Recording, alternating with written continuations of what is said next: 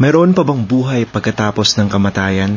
Sinasabi ng Biblia ang buhay ng tao ay maikli at puno ng hirap. Natutuyong parang damo, namumukadkad na parang mga bulaklak na hindi nagtatagal, nalalanta at nalalagas. Ang buhay ay katulad din ng aninong lumilipas.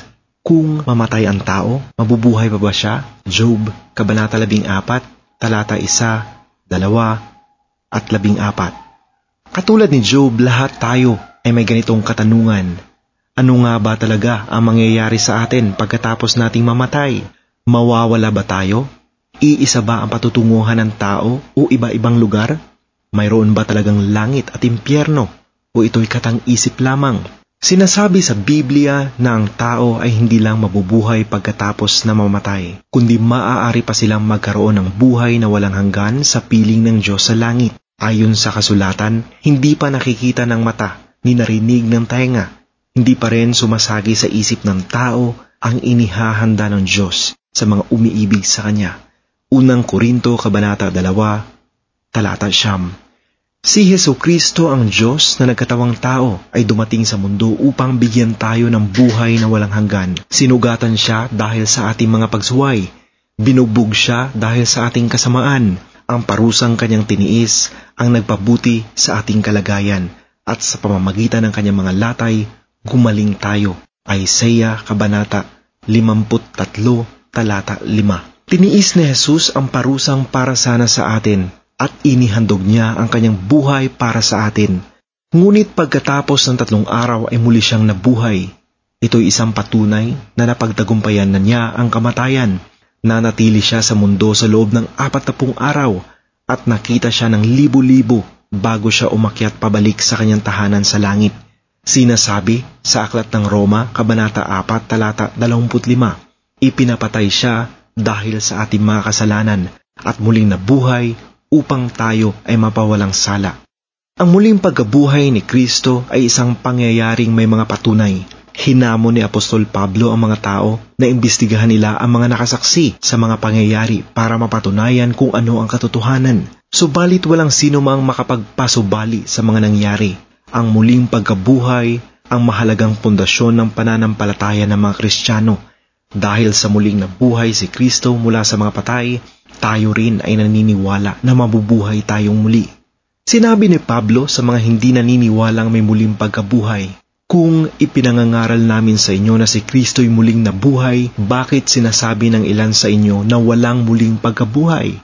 Kung totoong walang muling pagkabuhay, nangangahulugan na maging si Kristo ay hindi rin muling nabuhay. At kung si Kristo ay hindi muling nabuhay, walang katuturan ang aming pangangaral at wala ring silbi ang inyong pananampalataya. Unang Korinto, Kabanata 5, talata 12 hanggang 14. Si Kristo ang una sa mga maraming susunod pang bubuhaying muli. Ang kamatayan ay dumating sa tao dahil sa pagkakasala ni Adan na siyang ating pinagmulan. Ngunit ang lahat na naging kasali na sa pamilya ng Diyos sa pamamagitan ng kanilang pananampalataya kay Heso Kristo ay bibigyan ng bagong buhay. Unang Korinto, Kabanata 15, talata 20 hanggang 22. Kung paanong muling binuhay ng Diyos si Jesus, tayo ay muling bubuhayin din sa pamamagitan ng kanyang kapangyarihan. Unang Korinto, Kabanata 6, talata 14. Kahit na tayong lahat ay muling mabubuhay, hindi lahat tayo ay pupunta sa langit. Ang bawat isa sa atin ay dapat pumili kung nais ba niya o hindi ang buhay na walang hanggan. Sinasabi ng Biblia, itinakda sa tao ang mamatay ng minsan lamang at pagkatapos hahatulan siya. Hebreo Kabanata Siyam Talata 27 Ang mga itinuturing na matuwid ay pupunta sa langit para mamuhay doon ng walang hanggan. Ngunit ang mga masasama at hindi sumasampalataya kay Jesus ay itatapon sa impyerno para sa kaparusahang walang hanggan. Mateo Kabanata 25 Talata 46 ang impyerno ay hindi isang haka-haka lamang. Ito ay totoo at tunay na lugar. Ito ang lugar kung saan daranas ang mga masama ng walang hanggang parusa mula sa Diyos. Mararamdaman nila roon ang pagdurusa ng damdamin, pag-iisip at paghihirap ng katawan, pati na kahihiyan at panghihinayang. Inilalarawan ang impyerno na isang hukay na ang lalim ay walang hanggan.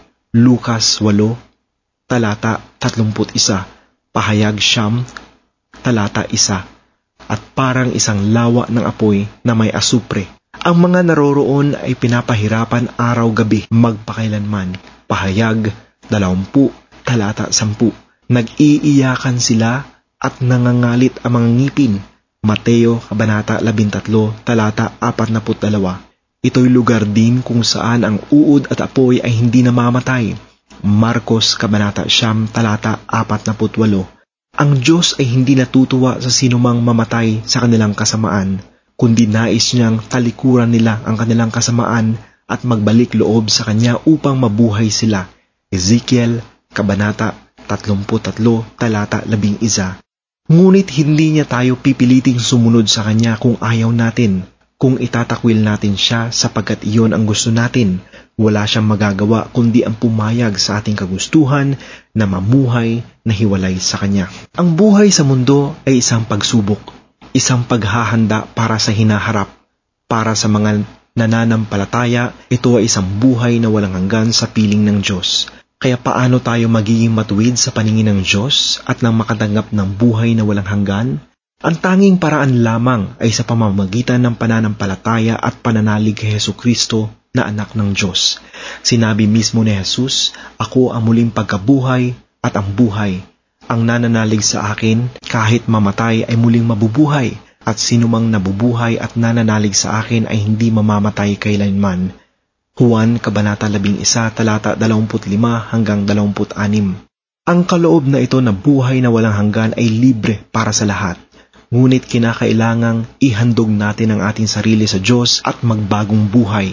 Roma, Kabanata 12, talata 1 hanggang 2. Sinasabi rin sa aklat ng Juan, Kabanata 3, talata 36, ang sumasampalataya sa anak ng Diyos ay may buhay na walang hanggan.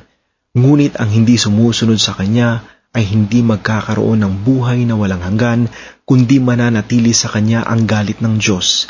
Hindi tayo bibigyan ng pagkakataon para makapagsisi sa ating mga kasalanan pagkatapos nating namatay.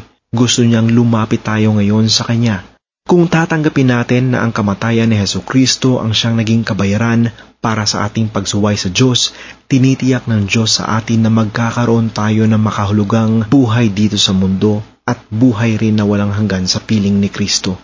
Kaya kung gusto mong tanggapin si Heso Kristo bilang iyong tagapagligtas, narito ang isang simpleng panalangin. Alalahanin mong ang pagbigkas ng panalangin ito ay hindi makapagliligtas sa iyo. Tanging ang iyong pananampalataya at pagtitiwala kay Kristo ang makapagliligtas sa iyo.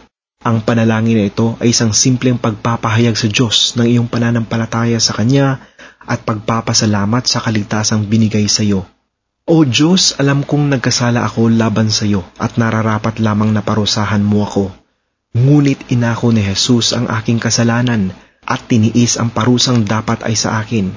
Patawarin mo ako sa aking mga kasalanan Tinatalikuran ko ang aking mga kasalanan at magtitiwala ako ngayon kay Jesus para sa aking kaligtasan. Tinatanggap ko si Jesus bilang sarili kong tagapagligtas. Salamat po sa iyong kahangahangang biyaya at kapatawaran at salamat din sa buhay na walang hanggan. Amen. Ikaw ba ay gumawa ng desisyon para kay Kristo dahil sa iyong mga nabasa dito? Kung oo, i-click ang tinanggap ko si Kristo ngayon sa ibabang kahon.